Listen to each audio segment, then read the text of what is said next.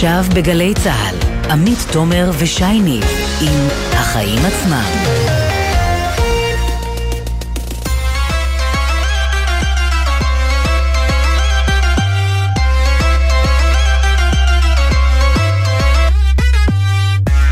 עכשיו שש וארבע דקות, אתם על החיים עצמם, התוכנית הכלכלית-חברתית של גלי צה"ל. אני עמית תומר, וכאן איתי באולפן שי ניב. מה נשמע שי? איך עבר היום? בסדר גמור, מה שלומך עמית? בסדר, בסדר, דרוכה יומיים לבחירות. לגמרי. טוב, אה, אין תלונות גם אצלי, אה, יומיים לבחירות. אה, מצד אחד, תראי, מרגיש שהמתח אמור להיות כבר בשיאו. מצד שני, ככה אותם דברים שאנחנו כבר רגילים אליהם מהסבבים הקודמים.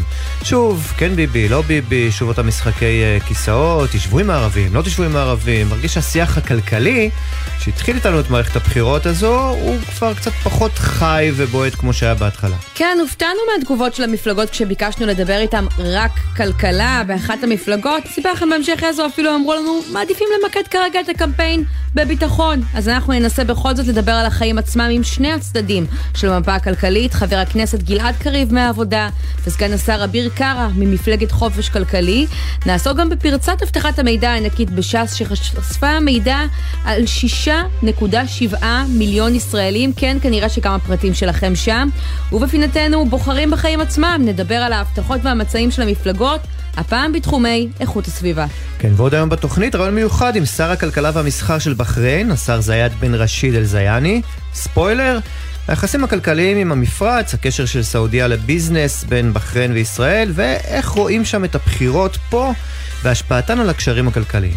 ונסיים עם הלואוין, אמנם לא חג שלנו, אבל כל כך חוגגים אותה כאן, שמסתבר שיש מי שמרוויח מזה. כבר uh, נעדכן בהמשך. גם אצלי חוגגים אגב. Uh, אז זה בסיום, ויש לנו הרבה עד אז. מה הכותרת שלך קודם, עמית? יש לי uh, הפעלה, או אם תרצה התקלה. הופה. שי, מה העלאת שכר הכי גדולה שקיבלת אי פעם ממעסיק במכה? וואו. Uh, טוב, כמה עשרות אחוזים, כן. מה כן. קרה? הייתה, הייתה תקופה טובה כזו, את יודעת, בעיתונות הכלכלית. Mm. אה, מה קרה? אני חושב שכלכליסט אה, נולד פתאום. אוקיי. וגלובס הישן והוותיק אה, נאלץ, נאלץ לפתוח יפה את הכיס. וכן, זה עשה טוב לכולנו איזה תקופה. טוב, חלק, אז... חלקנו. כן, נאחל לך עוד הרבה כאלה. אני חושבת שבאמת לא קורה הרבה שאתה מקבל העלאה של עשרות אחוזים אה, בשכר שלך, אבל זה מה שקורה עכשיו בקסטרו. מבקשים לתת שם למנכ"ל החברה, רון רוטר, ולאחראי על מותגי הודיס, יוסי גביזון, העלאה של קרוב ל-30 אחוזים בשכר. טוב, למנכ"לים זה קורה הרבה. כן, לא? תשמע, עד היום הם הרוויחו משכורת מכובדת כבר, של 84 אלף שקלים מדי חודש, אבל עכשיו מבקשים להקפיץ את שכרם ל-110 אלף שקלים. וזה לא שמישהו אחר דפק להם בדלת מאיזה ענקית אופנה מתחרה, לפחות למיטב ידיעתי. קסטרו היא חברה ציבורית, לכן הם צריכים בשביל המהלך הזה את אישורם של בעלי המניות, ושים לב איך הם מנמקים את זה. התגמול המוצע ראוי, בהתחשב בגידול בפעילות החברה ובהיקף עסקיה, והם גם עשו סקר שהראה שזה סביר ביחס למה שקורה בחברות אחרות. ועם זאת, אני רוצה להתעכב על העיתוי. קסטרו, בדוחות הכספיים האחרונים שלה לשני הרבעונים האחרונים, בעצם מאז תחילת השנה, רושמת צניחה של עשרות אחוזים ברווח הנקי. היא לא לבד, הרבה עסקים בחזרה לשגרה אחרי הקורונה מקבלים נתונים כאלו אה, ואחרים. ועדיין, אני לא בטוחה שהבוס שלי או שלך היה מזמין אותנו לחדר אחרי uh, חצי שנה של ירידה חדה של עשרות אחוזים ברווחים, ויגיד, חשבתי על זה, אני רואה את הנתונים הכספיים ואני מתכוון להעלות את שכרך בעשרות אחוזים. כן, מה גם שעשרות אחוזים במקרה של uh, מנכ"ל uh, קסטרו, זה לא בדיוק עשרות אחוזים במקרה שלי, ושאלה, לא יודע לגבייך, אבל שלי. תשמע. כן. כן, אז uh, בקיצור, לתשומת ליבם של בעלי המניות, לא צריך להיות חותמת גומי, אני לא אומרת צריך או לא צריך, אבל תשקלו את זה טוב. מסכים. מה הכותרת שלך? טוב, אז הכותרת שלי מגיעה מאמריקה, האיש והטסלה, עכשיו גם האיש והטוויטר, אילון מאסק. תראי. גם אנחנו אוהבים פה ושם לספר על העלילות שלו, בכל זאת דמות צבעונית מאוד, שיודעת לספק כותרות אל המין ועל שמאל, אבל בסוף השבוע האחרון הוא העניק לנו עוד תזכורת מדוע כשאנחנו מדברים על האיש הזה, צריך לשים לב לא לעשות את זה עם עיניים נוצצות מדי. נו. אז אה, ביום שישי האחרון מאסק השלים באמת סופית את הרכישה של הרשת החברתית טוויטר לפי שווי של 44 מיליארד דולר, הרבה מעל מה שהוא עצמו חשב שהיא שווה. אבל מה שתפס לרבים את העין ביום הזה אה, הוא העובדה שמאסק החליט לפטר מהרגע להרגע ממש את כל ההנהלה הבכירה. עכשיו נכון, החבר'ה האלה הולכים הביתה מסודרים מאוד, לא צריך לדאוג להם, לפחות לא פיננסית, ועדיין יש משהו אכזרי, ואת יודעת מה, אפילו לא מוסרי בדרך הזאת, וזו הזדמנות להזכיר, זו דרך כמעט סטנדרטית בארצות הברית. לפטר מעכשיו לעכשיו, לנתק ברגע אחד את העובדים ממערכות המחשוב והדואר האלקטרוני, לתת להם קרטון לאסוף את הדברים, את יודעת, ה image הזה עם העציץ, וכל זה לפעמים בליווי של מאבטחים, כאילו הם אה, ממש אויבים. ואני אומר, איזה מזל שלפחות ביחסי עבודה לא מיהרנו לאמץ פה בארץ את השיטה האמריקאית. יש שימוע, צריך אה, לשמוע את העובד, יש גם תקופת הודעה, הודעה מוקדמת, ויש בעיקר זמן לנשום ולא לעשות דברים באימפולסיביות. עכשיו אני אומר לך את זה גם מהצד של אה, אה, מנהל בעבר, כמי שבעצמי פיטר אה, אנשים בגלל חוסר התאמה, לא נעים. אז כן, מאסק הוא בהחלט יזם יצירתי ויוצא דופן ויש מה ללמוד ממנו, אבל אל תיקחו ממנו את יחסי האנוש. כן, יחסי האנוש שלו, איך שראינו במגוון הזדמנויות, הם לא היכולות הגבוהות שלו, אבל אולי זה מה שהופך אותו למנהל כל כך מצליח ורווחי, מה אני אגיד לך? אה, תראה, בוא נקווה שאפשר לעשות את הדברים אחרת, ולהצליח, ולעשות כסף, ולהיות ככה מקור השראה. זה בטוח. נתחיל. יאללה.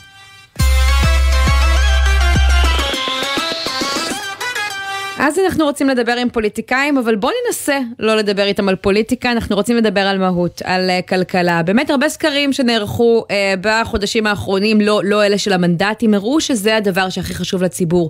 יוקר המחיה, אגב, גם המחירים עולים ביוקר. ביום הבחירות. נזכיר uh, למאזינים שלנו וגם נדבר על זה הרבה uh, מחר ובשלישי.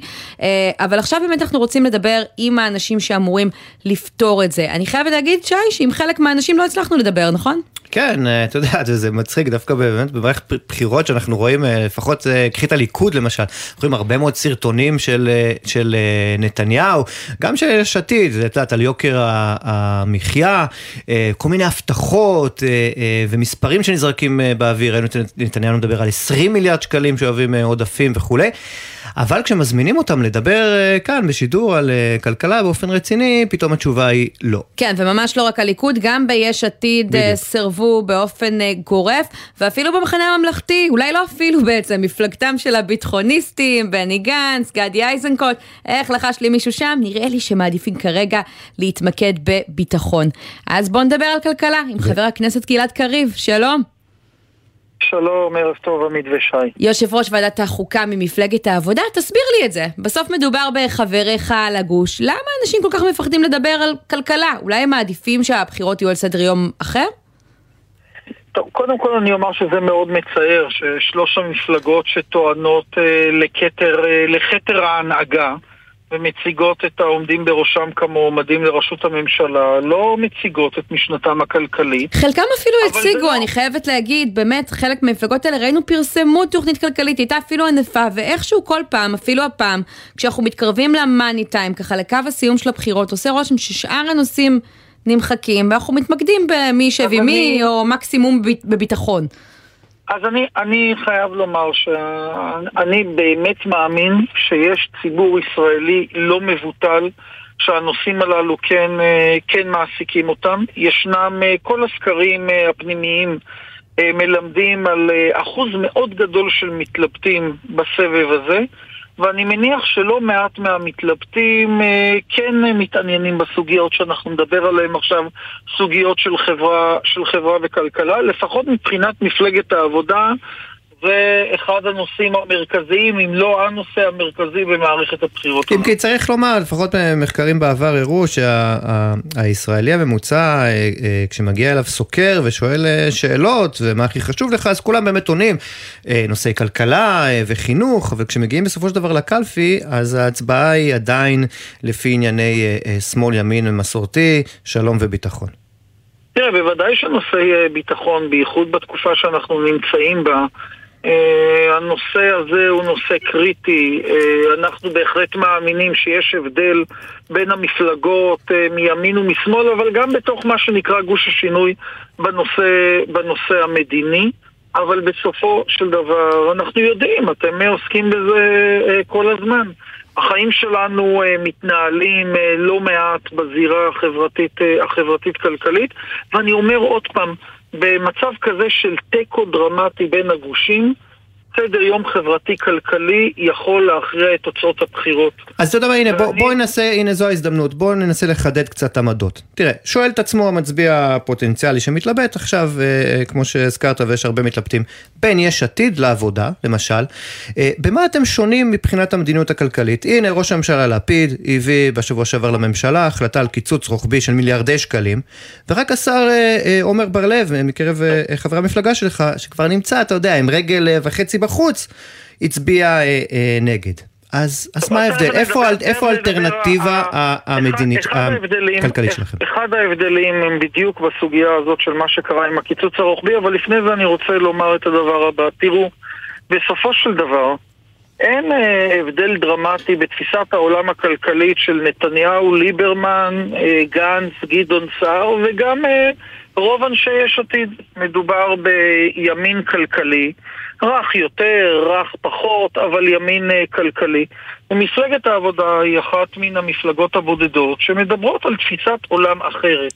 הקיצוץ הרוחבי בסופו של דבר אושר מכיוון שאנחנו נמצאים באיזשהו סד של כללים שקבועים בחוק, אנחנו חושבים שצריך לשנות את החוק. אבל לא שיניתם. לא היה... אתה, אתה מדבר, אני, אני מניח, על מגבלת ההוצאה בתקציב. אני מדבר על כך שבמדינת ישראל יש מצב של מדינה בפלוס ויותר מדי אזרחים במינוס. אם מדינת ישראל הייתה מדינה אה, ענייה שצריכה גם לטפל בנושא הביטחון, אז היה אפשר להצדיק את הגירעון הדרמטי בהשקעה האזרחית. אבל זה לא המצב. כן. מדינת ישראל היא מדינה שיש לה את המשאבים, לא לעשות את הכל, אבל בוודאי להשקיע יותר באזרחים. אבל חבר הכנסת אה, קריב, זה מה שמטריד אותי. זה קורה כשאתם חלק מהממשלה ועם הרבה יותר מנדטים ממה שהסקרים מנבאים לכם בבחירות רוצה, הבאות. קודם כל, לא, אז... קודם כל לא הרבה יותר אה, מנדטים, אבל אני, אני בפירוש רוצה לומר, נכון, אנחנו נמצאים בממשלה הזו, ולצערי הממשלה הזו עשתה גם הרבה מאוד דברים טובים בתחום החברתי-כלכלי. צריך להזכיר שהממשלה הזו הגדילה את ההשקעה. לעומת ממשלות קודמות. אבל בסופו של דבר אתה אומר, גם לפיד, גם ליברמן, הם כולם לטענתך נכון, ימין כלכלי. ולכן, ולכן, מי שרוצה, א', שממשלת השינוי תמשיך, אבל ב', שהממשלה הזו תאמץ מדיניות של יותר השקעה בשירותים חברתיים ובתשתיות, צריך להבין שיש הבדל בין הצבעה לעבודה לבין ההצבעה ליש עתיד. כמה מנדטים צריכה לקבל מפלגת העבודה בשביל שיהיה לה איזושהי השפעה על מדיניות התקציבית? קודם כל צריך לוודא שמפלגת העבודה נמצאת בכנסת הבאה, לא לקחת בנושאים האלה אה, סיכון. זהו, התחילה גוואלד? שנית, לא, לא, אתה לא שומע ממני גוואלד, אתה שומע ממני קריאה להצבעה אחראית והצבעה אסטרטגית. והדבר השני, הוא שצריך לדאוג שמפלגת העבודה יהיו לה מספיק מנדטים כדי לדרוש בסיבוב הבא עמדות מפתח כלכליות. אבל אה, שואל שי, מה זה מספיק מנדטים? כי הנה ראינו שגם שבעה מנדטים לא הספיקו. אבל ראינו, בסדר גמור, אבל ראינו שעם שמונה מנדטים של אה, ליברמן, בקונסטלציה פוליטית מסוימת, האיש שולט גם במשרד האוצר וגם בוועדת הכספים. כשמרב מיכאלי נשאלה לאיזה תיקים ולאיזה תפקידים פרלמנטריים אנחנו מכוונים, היא אמרה בצורה ברורה, משרד האוצר, יו"ר ועדת כספים, זה לא אומר שאנחנו נקבל את כל התפקידים, אבל מי שחושב שמדינת, לפני, את יודעת, רגע לפני הבחירות, כולם נהיים סוציאל דמוקרטים, זה מדהים, ביבי מדבר על uh, חינוך חינם 0 עד 3, כאילו לא היו לו 12 שנים לקדם את זה. כולם מפרסמים... אבל גם אתם לא קידמתם את זה. דרך אגב, נתניהו, אבל צריך לומר, להגנתו, לזכותו, נתניהו... נתניהו אה, היה סוציאל דמוקרט כנראה גם בקדנציות האחרונות. כי מי שהעביר, לא, לא, לא אבל מי ש... צריך לומר את זה, מי שהעביר את חוק חינוך אה, חינם מגיל שלוש למשל, סליחה, אה, בסוף, זה נתניהו. בלחץ, בלחץ המחאה החברתית של 2011, ואם נכון, אתה קורא, אבל הנה. ואם, ושי, אם אתה קורא למדיניות הצנע התקציבית של נתניהו סוציאל דמוקרטיה, אז יש לנו ויכוח מה זה סוציאל דמוקרטיה. נתניהו הוא אבי השיטה שבה אין שום קשר בין היקף ההשקעה החברתית הציבורית של ממשלת ישראל לבין המצב הפיסקלי לא, של מה שאני. אומר זה שאולי סיימתם את תפקידכם ההיסטורי במובן הזה שהנה כולם אה, אה, מדברים כאשר- סוציאל אה, דמוקרטיה. אה, אה, כן, הבעיה היא רק שכולם מדברים סוציאל דמוקרטיה רגע לפני הבחירות ויום אחרי הבחירות שוכחים מזה והשיטה הטובה ביותר להבין, אתה הזכרת את הקיצוץ הרוחבי לא יש עתיד, לא המחנה הממלכתי מדברים, בוודאי לא הליכוד, על שינוי כללי המשחק התקציביים. מפלגת העבודה מדברת בצורה מאוד ברורה על שינוי משמעותי בכללי ההוצאה. מה זה אומר? לבטל את כלל ההוצאה? לבטל את כלל לא, ההוצאה? לא, לא שמעת ממני אז מה זה שינוי? בוא- נסגור את זה. למשל, שינוי בכלל ההוצאה הוא להכניס בתוך אה, כלל ההוצאה פקטור, פק- פקטור נוסף, שהוא לא רק יעד הגירעון וגודל האוכלוסייה, אלא גם פקטור שמדבר על צמצום הפער בהשקעה בשירותים חברתיים בינינו לבין ממוצע ה-OECD. אני אתן לך עוד דוגמה. מדינת ישראל מסיימת את שנת 2022 עם עודף הכנסות של 40 מיליארד ש"ח. אלה נתונים של המדינה. אם לא זאת צריך התוכנית שלכם לדעתי עולה פי שניים או פי שלושה אם מסתכלים על הכל. כן, מה אתה חושב שתצליח רק- להוציא רק- מזה לפועל? רק, רק שכשמדברים על הגדלה זעירה, אחראית ומתונה של יעד הגירעון, על שימוש בחלק מעודפי הכנסות, לא בכולם, חלק שילכו לשמירה על גירעון נמוך, אבל שחלק ילכו להשקעה בתשתיות. כשמדברים על זה, אתם מכירים את הנתונים.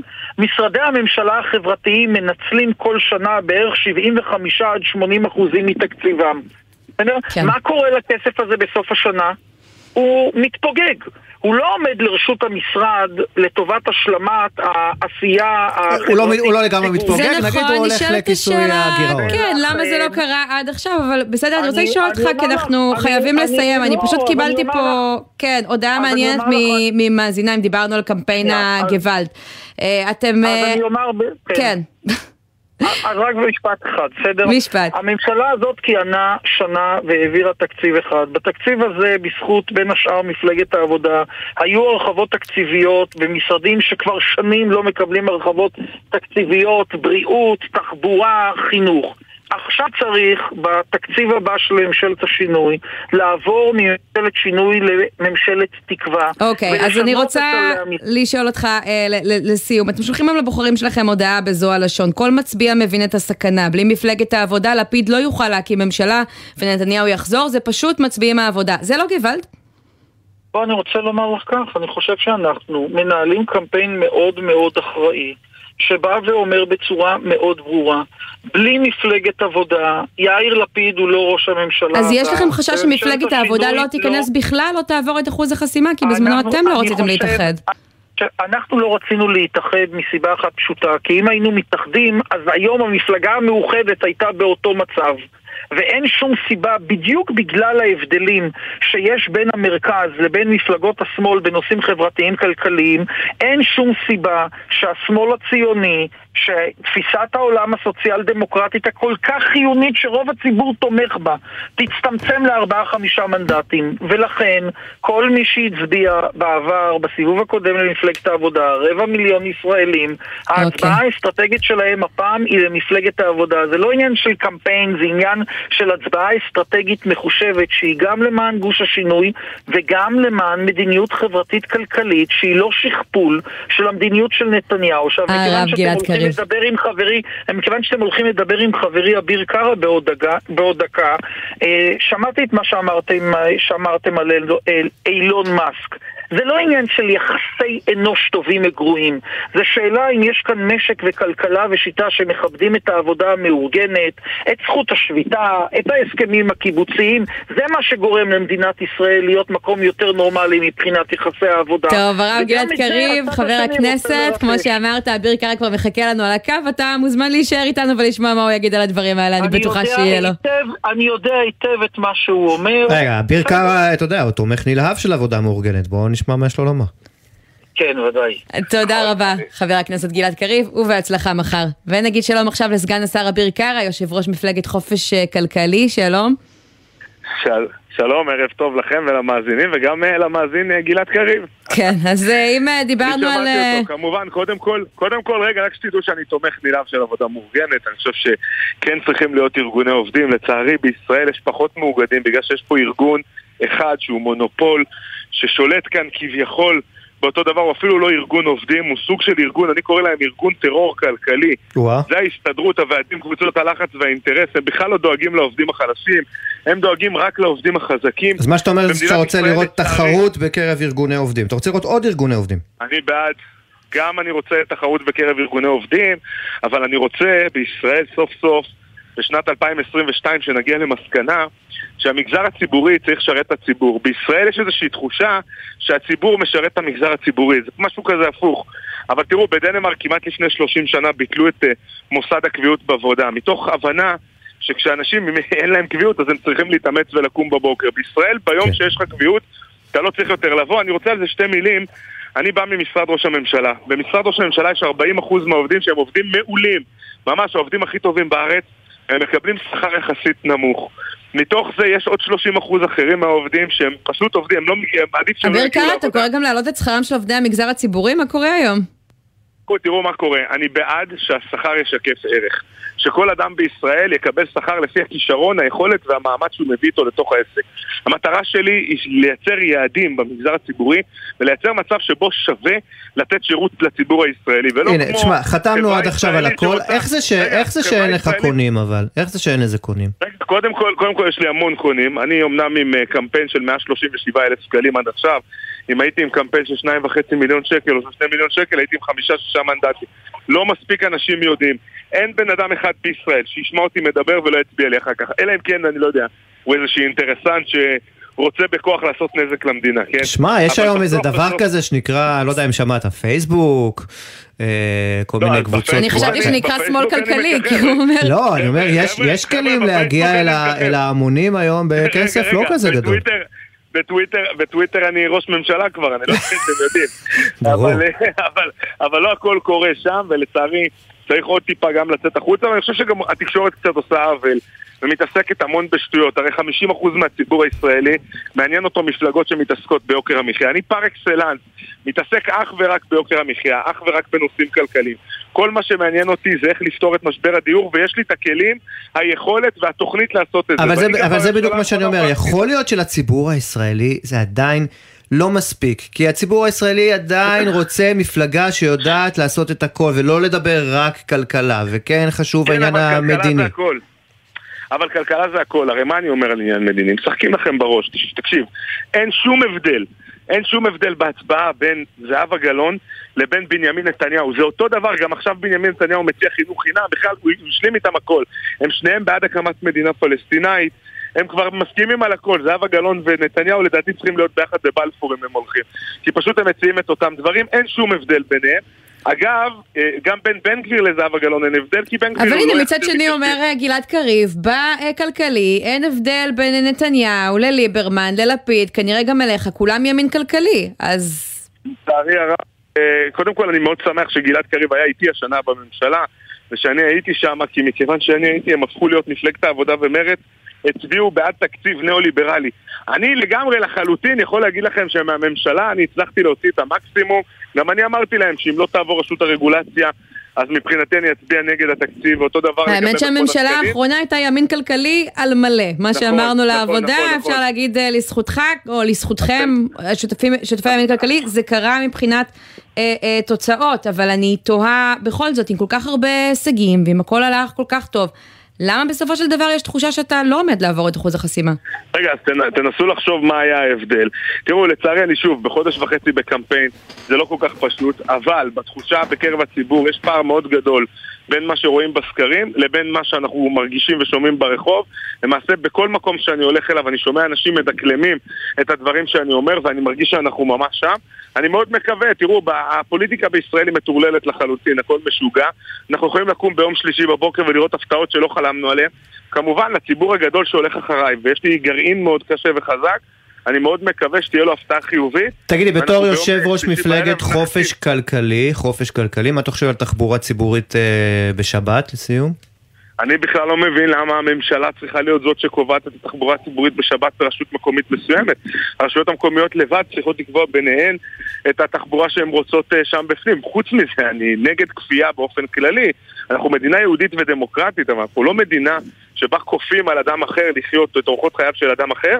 אני חושב אותו דבר גם לצד השני, אני לא רוצה לכפות על החרדים אורחות חיים של חילונים. לכן אני בעד אה, שוק חופשי וכלכלה חופשית וליברליזם חברתי. ואתה רץ עד הסוף. אני בעד שכל רשות תחליט את זה בעצמה. עד הסוף. כן, אנחנו רוצים, אנחנו רוצים עד הסוף, האמת שזה גם אמירה, אבל הכי חשוב לכל מי ששומע אותי ומצביע לי, שאתה מצביע לאג'נדה שהיא בלי פשרות, אתה לא צריך להתפשר, אתה לא צריך להתפתל, להגיד רגע אני אצביע לליברלים אבל אני לוקח בחשבון שיהיה גם את אלה, לא. כן. פה יש לך את זה באופן מלא, זה המפלגה הליברלית היחידה על הסט. ואני מקווה שאנחנו נביא הפתעה ביום שלישי בערב. סגן השר אביר קארה, יושב ראש מפלגת חופש כלכלי, תודה רבה, ובהצלחה מחרתיים. תודה רבה לכם. ועכשיו אנחנו נשארים בפוליטיקה, אבל מזווית קצת אחרת, כי אה, באמת פרצת מידע שמתגלה היום אה, באתר של ש"ס, אה, בעצם חשפה את פרטיהם של מיליוני ישראלים, אפילו כאלה שאין להם שום קשר אה, למפלגת ש"ס ולא היה להם, אז איך תדעו אם הפרטים שלכם אה, נחשפו? בואו נגיד שלום לרן ברזיק.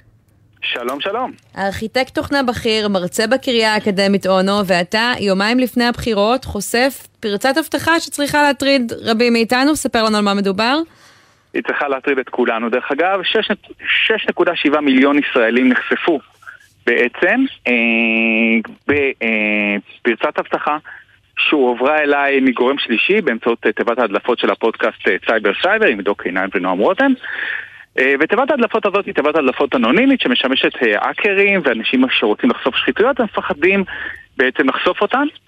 ובתיבה הזאת בעצם מתקבל מידע על כך שיש פרצת אבטחה במערכת הבחירות של ש"ס. אז בוא תספר לנו רגע איזה, איזה מידע יש שם. או, מה שיש שם את ספר הבוחרים המלא של כל תושבי ישראל. אני מדבר על 6.7 מיליון תושבים. כלומר, גם מי שמעולם לא הצביע ש"ס, הפרטים שלו שם. אכן כן, גם מי שמעולם לא הצביע ש"ס, הפרטים שלו שם. אה, אזרחים, מצביעים, אה, וגם בנוסף, גם אה, מספר, מספרי הטלפון של רבים מהאנשים, אה, גם אה, שנת לידה, גם בית אב, שזה מבצע מאוד מאוד חמור. Mm. בית אב, כלומר מקשרים בין, לצורך העניין, הבת שלי לאבא שלה, כן?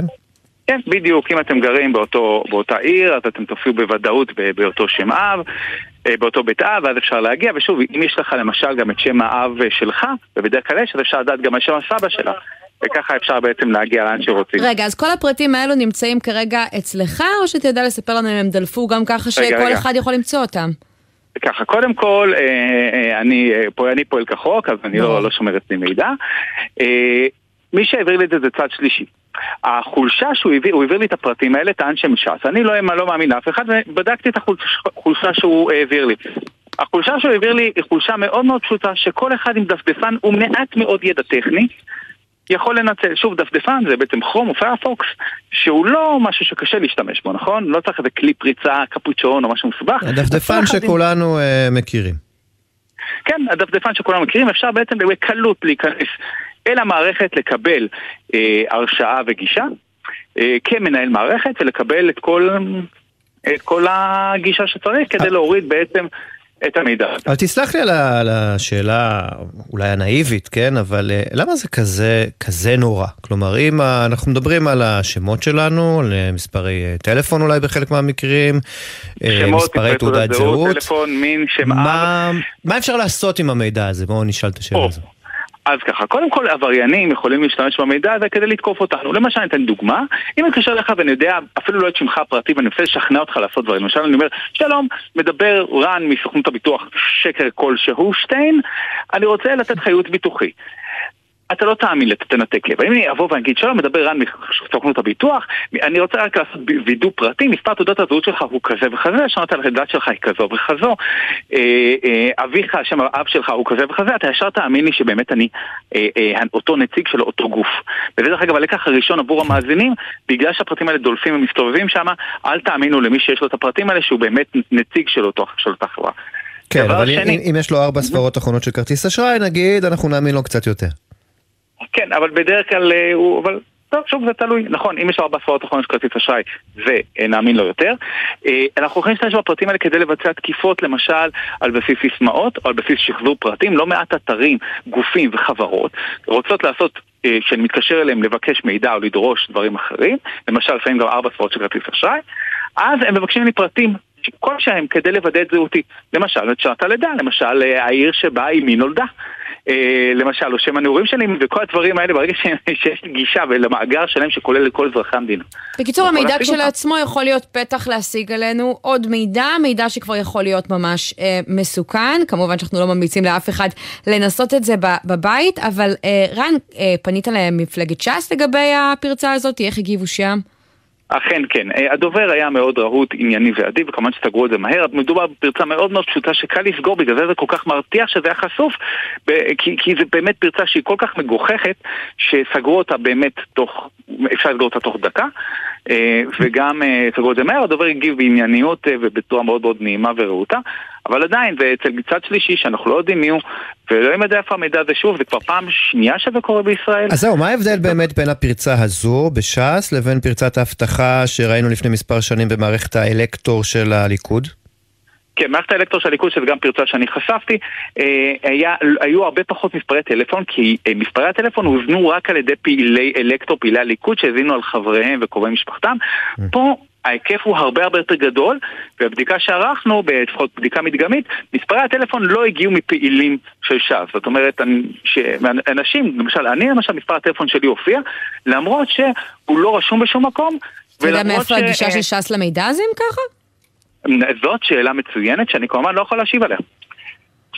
וגם בתי אב, זה לא מידע שהם מקבלים בספר הבוחרים, אה, וגם טלפוני, זה לא מידע שהם מקבלים בספר הבוחרים. כן, ללא ספק מטריד מאוד, אולי באמת התקלה הזאת הנקודתית נפתרה, אבל זה כן מראה שלאחת המפלגות לפחות בישראל יש הרבה מאוד מידע עלינו, על כולנו, גם מי שאף פעם לא נתן את הפרטים אה, לאותה אה, מפלגה. רן ברזיק, תודה רבה ששוחחנו, ששוחחת איתנו. יש לך לסיום איזשהו טיפ למאזינים? מה צריך אפשר לעשות כדי להימנע ממצבים כאלה? זה הטרגדיה, אי אפשר. כולנו נחשפנו, מצביעי או לא מצביעי ש"ס, מצביעי מפלגות אחרות, כולנו נחשפנו פשוט להיזהר באמת מנוכלויות, גם האנשים שכביכול יש להם את הפרטים שלכם. אוקיי, אז הנה למדנו משהו. תודה רבה. תודה ויום טוב. עכשיו אנחנו לפינתנו בוחרים בחיים עצמם, והיום תחום שאפשר לקרוא לו חמר רגיל העונה, איכות הסביבה, משבר האקלים ולא רק, עלו לכותרות בחודשים האחרונים, ולכן הם גם מקבלים יותר נוכחות מהרגיל במצעים במצעים של המפלגות, לא בכולם. ענבר פייבל, כתבתנו לענייני סביבה, שלום, בואי תעשי לנו סדר. שלום עמית, שלום שי. אנחנו בנקודת זמן מכריעה עבור הפוליטיקאים שנלחמים על כל קול ומפזרים הצהרות בחירות. בתוך ההבטחות יש נושא שרוב חברי הכנסת פחות נלהבים לדבר עליו, והוא גם נעלם מרוב הראיונות בתקשורת, שמירה על הסביבה והתמודדות עם משבר האקלים. אז מה באמת הבטחות הבחירות של המפלגות בנושא הקיימות? בשביל לבדוק את זה נעזרנו בשאלון אקלים של ארגוני הסביבה מגמה ירוקה, מחאת הנוער למען האקלים ולבחור ירוק, ובשילוב עם המצעים הצלחנו להרכיב תמונת מצב סביבתית. בעיקר בגוש המרכז-שמאל יכולנו גם לראות הבטחות ממשיות, בעיקר במפלגות מרצ, העבודה וחד"ש-תע"ל, לעומת מפלגות אחרות שסיפקו הצהרות כלליות בלבד. אחד הנושאים המרכזיים שיעלו בבדיקה הוא עיגון הטיפול במשבר האקלים בחוק. בכנסת הקודמת חוק האקלים עבר בקריאה ראשונה בלבד. יש עתיד, העבודה, מרץ וחד"ש-תע"ל מסרו כי הן מעוניינות להמשיך ולקדם את החוק. במפלגת העבודה הצהירו כי לחוק האקלים במתכונתו הנוכחית אין שיניים, ויש לתת לו תקציב וסמכות לבצע פיקוח הדוק. כשחברת הכנסת גילה גמליאל כיהנה כשרה להגנת הסביבה, היא ביקשה להעביר חוק אקלים, מה שלא קרה לבסוף בכהונה שלה.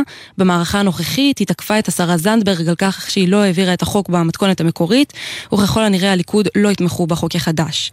דוח מבקר המדינה בשנה שעברה תיאר את פעולות הממשלה בתקופת נתניהו בנושא כהתקדמות בטווח שבין פיגור לאפס. כן, טוב, אז מה מצהירות המפלגות בנוגע למעבר לאנרגיה מתחדשת?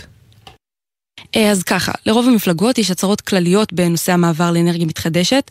במצע של יש עתיד יש התחייבות להפחתת ההסתמכות על דלקי מאובנים ומעבר לאנרגיות מתחדשות.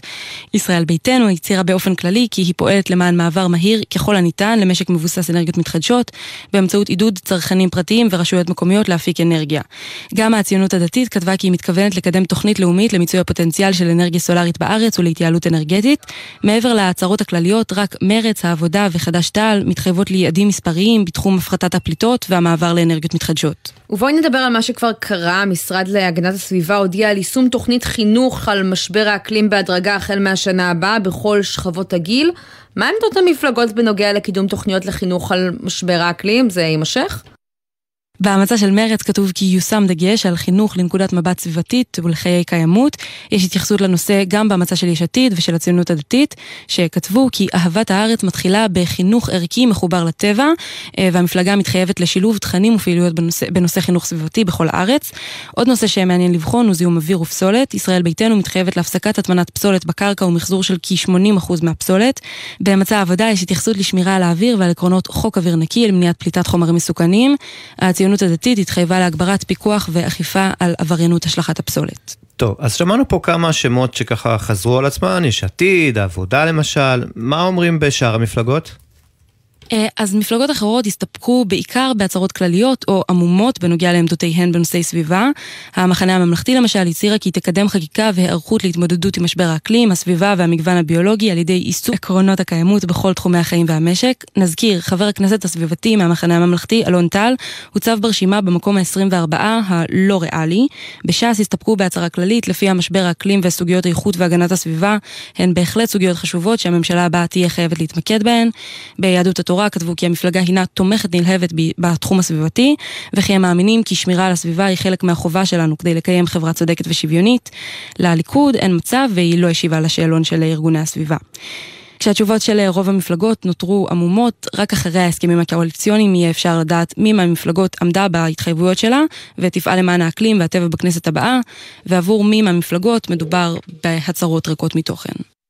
ענבר פייבל, כתבת על הסביבה, תודה רבה, ואנחנו יוצאים עכשיו לכמה תשדירים ומיד חוזרים עם עניינים שלא קשורים לבחירות, כולל ראיון מיוחד עם השר זעיד בן רשין אל זעיני, שר הכלכלה הבחרייני שמבקר עכשיו בישראל.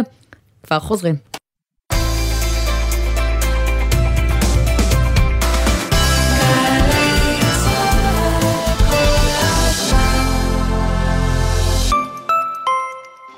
בשנה הקרובה אתם עומדים לשמוע הרבה... יש! וגם... אני לא מאמינה!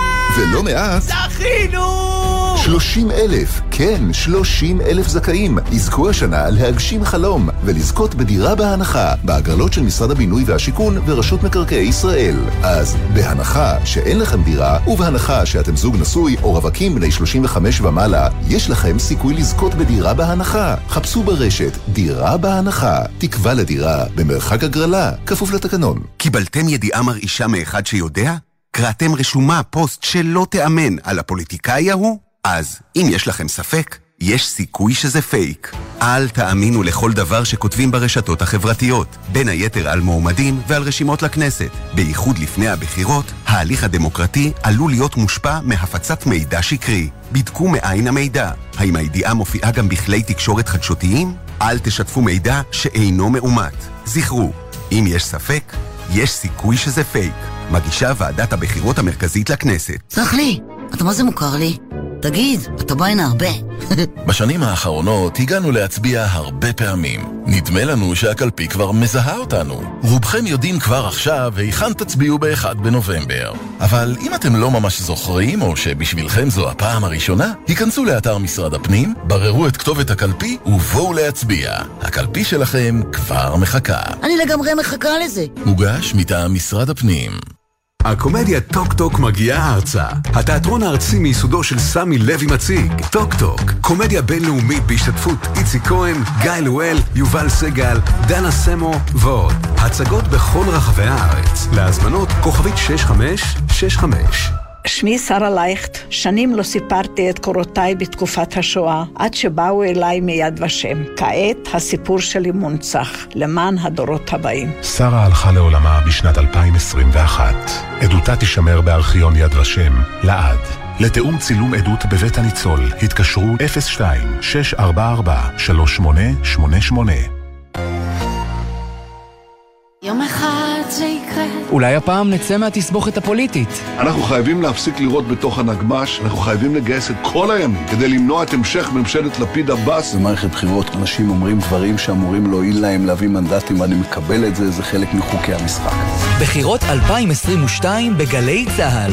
ביום הבחירות מ-8 בבוקר, תוכניות מיוחדות סביב המספר 5, לכבוד סבב הבחירות החמישי. ב-9 בערב, משדר הבחירות המרכזי בשיתוף ערוץ כנסת, עם תוצאות המדגמים ונבחרת השדרים והכתבים מהמטות בשטח. וברביעי מ-5 בבוקר, מערכת החדשות של גלי צה"ל ביום שידורי מיוחד עם כל הדיווחים, הניתוחים והפרשנויות. בוחרים גלי צה"ל. עכשיו בגלי צה"ל, עמית תומר ושי ניב עם החיים עצמם. חזרנו ועכשיו אנחנו רוצים לדבר עם שר, אבל לא משלנו. שר הכלכלה הבחרני זעיד בן רשיד אל-זעיני מבקר היום בישראל עם משלחת של אנשי עסקים משם, במטרה לפתח את היחסים הכלכליים בין ישראל לבחריין. שנתיים עברו כמעט מאז הסכמי אברהם, הציפיות היו גבוהות, דובר בזמנו על פוטנציאל כלכלי של מיליארדים, מגוון מוצרים שאנחנו יכולים לייצא להם, דברים שהם יביאו לפה ויעוררו יותר תחרות, אבל כשמסתכלים על מה שקרה לפחות עם בחריין, המציאות רחוקה מהציפיות. ב-2021 הסתכם הסכם הסחר בין המדינות בשבעה מיליון דולרים וחצי בלבד. שאלנו את שר הכלכלה אל-זעיני האם הוא מאוכזב מהנתונים, והוא מודה, זה לא מה שציפינו. You're absolutely right. The number is, is quite uh, moderate, and it's it's not what we aspire for, and it's not what we expect. Uh, I think this is one of the reasons uh, that I chose to come on this trip to Israel with a business delegation of 53 uh, businessmen and women to give them exposure firsthand to what Israel offers. I think we're at a stage now where we need to activate the Abraham Accords to move it from a government to government uh, relationship to a business to business relationship and further on a people to people relationship. That's the way, the only way we think is possible to make it sustainable and growing. המספרים באמת צנועים, הוא אומר, זה לא מה שציפינו, ואני חושב שזאת אחת הסיבות שבחרתי להגיע כעת לישראל עם המשלחת העסקית. אני חושב שאנחנו עכשיו במצב שאנחנו צריכים להפעיל קשרים בין ממשלתיים וקשרים בין עסקיים ובין אישיים. זאת הדרך היחידה שאפשר לגרום לזה לעבוד ולגדול. כן, טוב, אז שאלנו גם על המשא ומתן, אה, על הסכם סחר עם אה, בחריין, משא ומתן שמתנהל, אבל עדיין, ככה אמנם נראה שהוא מתקדם יפה, אבל עדיין אה, לא נחתם. הנה ממה שהוא אמר לנו בעניין הזה, שר הכלכלה הבחרייני. Absolutely not. Uh, I think Uh, the free the free trade will definitely give a boost to the business relationships between the two countries. We are in the negotiation process and we expect to sign before the end of the year. We've already had one round. We have a second round of negotiation uh, next uh, uh in November, uh, and hopefully we, we will close before the end of the year. כן, אני חושב שזה ייתן uh, דחיפה לקשרים העסקיים בשתי המדינות, הוא אומר לנו. אנחנו במשא ומתן ואנחנו מצפים לחתום לפני סוף השנה. אנחנו בסיבוב שני של משא ומתן, שיהיה בנובמבר הבא, בתקווה לסיים ולחתום לפני סוף השנה. ואם נישאר בהסכמי אברהם, שאלנו מעבר למה שקורה בינינו לבינם, מתי הם יתרחבו? מתי נראה את סעודיה בהסכמי אברהם? הנה מה שהוא השיב. Uh, of course, any conflict anywhere in the world is not good for anyone. And the closer it gets to geographically to us, the more uh, impact it would have. But we are, we are hopeful and optimistic uh, and uh, having peace in the region. And I think one of the reasons we committed to the Abraham Accord is to finally achieve this peace we have been missing for more than 70 years. כל קונפליקט בעולם, הוא אומר, הוא לא טוב לאף צד. ככל שהמדינה תהיה יותר קרובה גיאוגרפית, ככה ההשפעה תהיה יותר גדולה. אנחנו אופטימיים, הוא אומר לנו, ואני חושב שאחת הסיבות שאנחנו מחויבים להסכמי אברהם היא להשיג שלום, שייחלנו לו יותר מ-70 שנים, אז לא ממש קיבלנו תשובה מתי סעודיה גם תצטרף לשלום הזה, אבל כן נראה שאנחנו אולי בכיוון הנכון. כן, אז שאלנו גם על ההשפעה הכלכלית של החזית המשותפת של בחריין וישראל נגד אה, איראן. Uh, we would like to see a wider peace in the Middle East, including Iran. By the way, we have nothing against Iran, uh, nor do, don't do we. Would, nor would we like to see a weak Iran. We'd like to see uh, a reasonably good economy in Iran, but we would like to see a good neighborly relation as well. Uh, a strength of a neighbor in the in the region is strength for the region. Uh, and we hope that Iran, you know, plays its part as an international citizen, playing by international rules, not meddling with other countries' affairs. אנחנו נרצה לראות שלום רחב במזרח התיכון, כולל איראן, הוא אומר לנו. אין לנו שום דבר נגד איראן, אנחנו לא רוצים לראות את איראן חלשה. אנחנו רוצים לראות כלכלה טובה באיראן, אנחנו רוצים לראות יחסי שכנות טובים. בגלל השכנות באזור ובגלל האזור, אנחנו מקווים שאיראן תמלא את תפקידה ותפעל לפי חוקים בינלאומיים. כן, ואי אפשר בלי מה שקורה אצלנו, אנחנו יומיים לבחירות, שאלנו את אה, שר הכלכלה הבחרייני גם אה, על זה, הרי האנשים שהוא עובד מולם יכולים להתחלף, אמנם צריך להגיד, ממשלת נתניהו היא זאת שחתמה על הסכמי אברהם, אבל עכשיו יכולה לקום פה ממשלת ימין על מלא, ממשלת ימין שכוללת גורמי ימין קיצוניים יותר, שאלנו אם זה מטריד אותו מבחינת היחסים. I don't think so. I mean, we we keep our eyes set on the on the bigger picture, and uh, you know, it took us 70 plus years to get to where we are today. I don't think a change will will detract us from from uh, what we've invested in in the last two to three years. Uh, everybody's seeing positive outcomes, and, and you have to keep in mind that the rest of the Arab world is also watching how successful the relationship develops with us, the UAE and Morocco. Uh, because you know you never know who, who, next, who the next Arab country may be.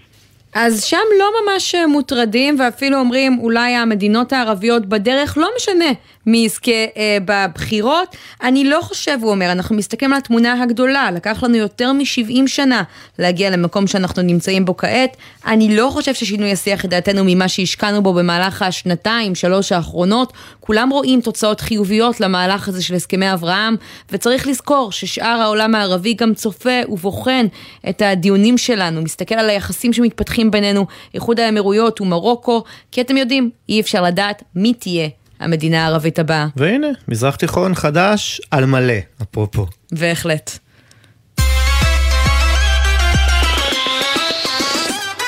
עניין אחר לגמרי עכשיו, מחירי הדלק הם ממשיכים לעלות, כן, חשבנו שכבר התנערנו מהכותרות האלה אחרי כמה חודשים של ירידה, אבל אנחנו מתבשרים אה, אחר הצהריים על עלייה של תשעה אגורות, תשע אגורות, סליחה, לליטר אה, בנזין, אה, החל מהחודש הבא, בעצם מיום אה, שלישי, וישראל פישר, איש החיים עצמם וכתב האנרגיה של דה מרקר, אתה מספר לנו שזאת כנראה רק ההתחלה. נכון מאוד, ערב טוב עמית ושי, זו באמת רק ההתחלה, כי מה שקרה זה שהצו על הפחתת מס הבלו ששר האוצר אביגדור ליברמן פרסם באפריל ואז האריך אותו, פג תוקפו ב-15 בנובמבר, וזה אומר שלפי המתכונת הנוכחית, אם הוא לא יחודש, המחירי הדלק יזנקו ב-75 אגורות לליטר, וזה אומר שהם יגיעו כבר לרף של יותר מ-7 שקלים ו-20 אגורות. וזה אומר גם שזו בשורה, אה, לא משהו ישראל אה, יומיים לפני בחירות. לממשלה, לנו. זו בשורה לא משהו יומיים... כן, זו בשורה לא משהו יומיים לפני בחירות, העניין הוא שמשרד האנרגיה היה אמור לפרסם היום את שני המחירים. גם את זה שיעלה בלילה בחצות בשל... בין שלישי לרביעי וגם את המחיר שיתעדכן בשיש... החל מ-16 בנובמבר. אבל בגלל שהופעלו לחצים, למיטב הבנתי, על משרד האנרגיה, כדי שלא יהיו כותרות על עלייה חדה מאוד במחירי הדלק, הוא נמנע מלפרסם את, ה, את שני המחירים האלה היום, ושר האוצר אביגדור ליברמן אמר שהם יבחנו את הארכת תוקף צו הבלו. אבל זה יהיה כבר תלוי בתוצאות הבחירות, ואם תהיה היתכנות להארכת כהונתו של ליברמן כשר האוצר, ואם היועצת המשפטית לממשלה תאשר את העלאת מס הבלו כשמדובר לא רק בממשלת מעבר, אלא בממשלה שלא ברור מה הקונסטילציה שלה, איך היא תמשיך בעצם לתפקד אחרי הבחירות ואחרי התוצאות. אבל תגיד, ישראל, מה קרה פתאום? הרי אנחנו כבר תקופה מתבשרים שככה המשבר בין רוסיה לאוקראינה כבר הגיע לשיא שלו מבחינת מחירי הנפט, והם אה, יורדים, ודווקא התבשרנו בחודשים האחרונים שהיועצת המשפטית לממשלה אומרת צריך אה, לשנות את הנוסחה, כלומר לתת פחות הטבה במס הבלו, כי הנה המחירים יורדים, שזה לא יתפרש ככלכלה כלכלת בחירות, למה הם עולים פתאום? כי הערכת המס, הערכת הפחתת הבלו בעצם, מס הבלו הנוכחית, היא, ליברמן פרסם אותה בחודש אוגוסט עד 15 בנובמבר מראש, הוא נתן את זה לפי תחשיב שככל שמחיר הדלק עולה, כך גדלה ההפחתה עד לשקל. אומרת, ברגע שאם מחיר הדלק הוא יהיה מעל 6 שקלים וחצי, ההפחתה תרד לשקל, ועכשיו בגלל שהוא פחות, ההפחתה היא 75 אגורות. אבל אני שואלת על מחירי הדלק, כי. נראה שהם חזרו לעלות אחרי שבחודשים האחרונים דווקא ראינו ירידות, האם זה עניין נקודתי או משהו שככה אתה מעריך שצפוי ללוות אותנו?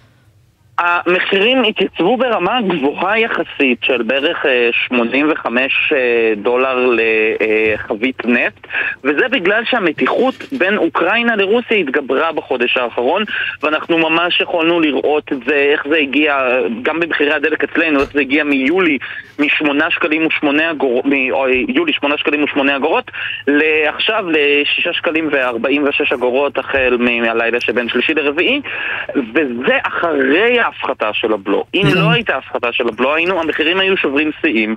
וכאן, בגלל ההכרזה מראש של ליברמן על הפחתת מס הבלו, למרות התנגדות בכירי האוצר, כי זה גורע מתקציב המדינה הכנסות של יותר ממיליארד וחצי שקל, שזה...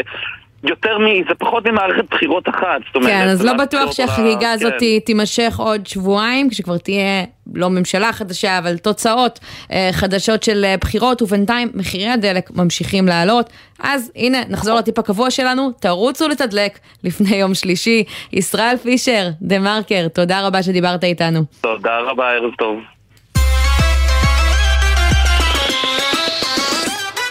שי, השמועה אומרת שכמיטב הגויים אתה חוגג את הלואוין. מי הדליף לך? אה, תשמע, יש לי את המקורות שלי. תשמעי, כן, אז זה דבר די חדש אצלנו ב- בשכונה, נקרא לזה, ב- ביישוב. חוגגים אה, הלואוין, זה קטע, הילדים נורא אוהבים את זה, אה, ומקשטים את הבתים, והשנה גם אנחנו מין בית מארח כזה, כלומר קנינו איזה קילו וחצי אה, סוכריות. אבל בחרתם בזה, אין כאילו trick or treat, ומי שלא יתכונן אה, יזרקו לו ביצים על הבית. לא, לא, שזה בשנה בחרנו הבאה. בזה, הזמנו קישוטים, כל מיני קורי עכביש, ומוזיקה מפחידה, וכל ה... ממש אה, נכנסים לזה. אחלה חג. וגם מתחפשים? מתחפשים, הכל, מתאפרים, אה, אל תגלי, אבל גם אני. האמת שאני מתה על פורים, לא אכפת לי פעמיים בשנה. בואו נגיד שלום למי שמרוויח מהבהלה המוזרה הזאת שהתעוררה פתאום להלואוין, יניב חלק, שלום. שלום, ערב טוב. בעלים של חנות ממתקים, מרכז הממתקים רגע מתוק בתל אביב, אז אצלך שי אני כן. מניחה לא ביקר, אבל הרבה אחרים כן? ביקרו, כן, כל התל אביבים ביקרו היום ואתמול, ביום שישי וביום חמישי, והיום באו במיוחד. כי מה, כי מה, מה, מה מספרים? הם באים לקנות את כל סוגי הממתקים, במיוחד דברים מפחידים, אם זה עיניים, אם זה עצמות, אם זה שיניים. זהו, יש סוכריות בצורת אה, עיניים, נכון? כן, אז סוכריות גם אצלי זה הלך. לא רע. בצורת שיניים, בצורת אה, עצמות. ומה, השנה זה יותר מבדרך כלל אתה מרגיש את זה? את הבהלה הזאתי? האמת, השנה יותר, אני לא האמנתי שככה יהיה, השנה יותר. כאילו, תל אביב אה, מדינה אחרת, פה יש דברים אחרים שהם חוגגים. זה עסק של כמה זמן ההלואוין בישראל? זה שנתיים, שלוש, ארבע? אני, אני חושב חמש שנים בערך. חמש שנים. וזה, כן, ואתה רואה, באים- את ה- אתה, אתה מזהה מגמה? זה הולך וככה גדל אה, וצומח? הולך וגודל כל שנה. השנה במיוחד זה גדל. תגיד, אתה לא מפחד שביום שני יגיעו לך כל מיני ילדים עם ככה ויגידו לך או שאתה נותן לנו ממתק או שאנחנו עושים לך תעלול? בתור בעלים של חנות ממתקים? לא, אף פעם לא קרה. בתל אביב יש אנשים טובים, לא פעם שיבוא דבר כזה ויקרה. הילדים טובים בתל אביב. הם באים עם ההורים וקונים ומתלהבים וחוגגים מתי קונים יותר, הלואוין או עדיין בפורים? בפורים. לא צריך להגזים. האמת היא עבודה יותר קשה. בפורים אתה צריך להכין משלוח מנות, לארוז, להכין. כן. צריכים לעבוד יותר קשה. לא יודע, אני, אני, אני גדלתי באשדוד, אצלנו קנו סוכריות בעיקר בשביל עלייה לתורה. כן, נכון, גם פה, גם פה יש. גם פה. פה, אה, נגיד בפורים, אני אני חוזר ואומר, כאילו בפורים אתה צריך להכין אה, משלוח מנות. אז מה, בכמה היית אומר. שהמכירות שלך עלו בהשוואה לחודש רגיל? אני לא דוגמה, כי uh, המכירות, uh, לא, מה נגיד לך, בעשרה אחוז, עשרים אחוז, כי אני מוכר גם עוד דברים, אני לא מוכר רק את הדברים האלה. Mm, טוב, פרנסה לא רעה. רק שיש את החגים. כן, יש עוד איזה חג שאתה מכיר עם ממתקים מאיזה מסורת אחרת, אולי אפשר גם לייבא אותו. לא, מה שאני מכיר בישראל זה החגים של פורים, של חנוכה, של אה, פסח, ראש השנה. כן. סילבסטר, או יש את ה Christmas, גם קונים ב Christmas, יבואו ויקנו את כל הדברים של השוקולדים בצורת אה, של ה Christmas. בסוף הכל רק תירוצים לאכול קצת מתוק, לא ככה?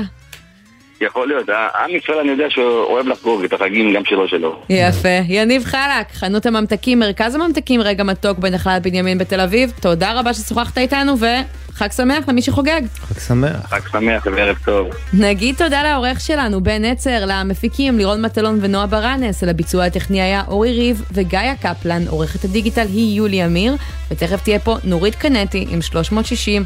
אני עמית תומר, שי ניב, תודה רבה. תודה עמית, תבואי, תבקרי. בוודאי, להלואוין אתה מזמין? בוודאי. תיזהר, אני באה, אני דופקת בדלת. אל תפחדי מהמוזיקה. אני. שמעתי כמה קילו ממתקים יש לך, אני באה לקחת הכל. יאללה. יאללה, תבואו גם מחר, סמי פרץ יהיה פה.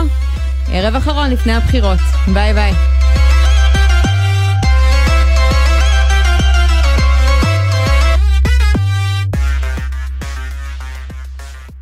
בחסות מטבחי סמל, המזמינה אתכם לבחור במטבחי סמל ובמוצרים משלימים במגוון הנחות עד 2 בנובמבר. מטבחי סמל.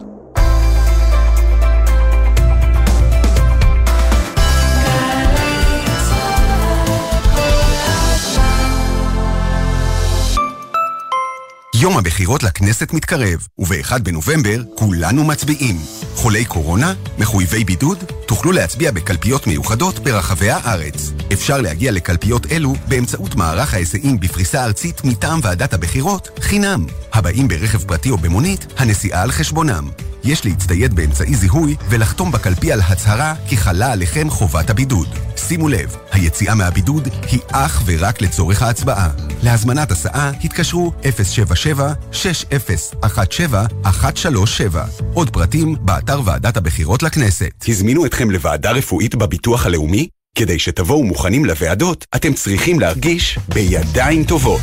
אנו מזמינים אתכם לבוא למרכזי יד מכוונת ולקבל ייעוץ והכנה לוועדות הרפואיות מרופאים מומחים, וכן סיוע בהכנת התיק הרפואי חינם בלא תשלום. לקביעת פגישה התקשרו כוכבית 2496. יד מכוונת, למצות זכויות בלי עלויות. מרכז יד מכוונת, מייסודו של המוסד לביטוח לאומי. אתם מוגבלים בניידות בשל מצבכם הגופני? ברחבי הארץ מוצבות במיוחד בעבורכם אלפי קלפיות נגישות, מיוחדות, שבהן יוכלו להצביע בוחרים המוגבלים בניידות עקב מצבם הגופני ואינם יכולים להצביע בקלפי שהם רשומים בה. קלפיות אלו אינן מיועדות למצביעים שמסיבה כלשהי אינם נמצאים ליד הקלפי שהם רשומים בה. רק מי שמוגבל בניידות בשל מצבו הגופני רשאי להצביע בהם. אם אינכם מוגבלים בניידות בשל מצבכם הגופני, הצביעו בקלפי שבה אתם רשומים, ואל תסתכנו בעבירה פלילית. או שתבחרו, או שתתחרטו. תבחרו. ועדת הבחירות המרכזית לכנסת. מ-1 בנובמבר, חובה להדליק אורות ביום בדרכים בין-עירוניות. נהגי אופנועים, מוניות, משאיות ואוטובוסים חייבים להדליק אורות ביום גם בדרכים עירוניות. הרלב"ד, מחויבים לאנשים שבדרך. מיד אחרי החדשות, נורית קנדי.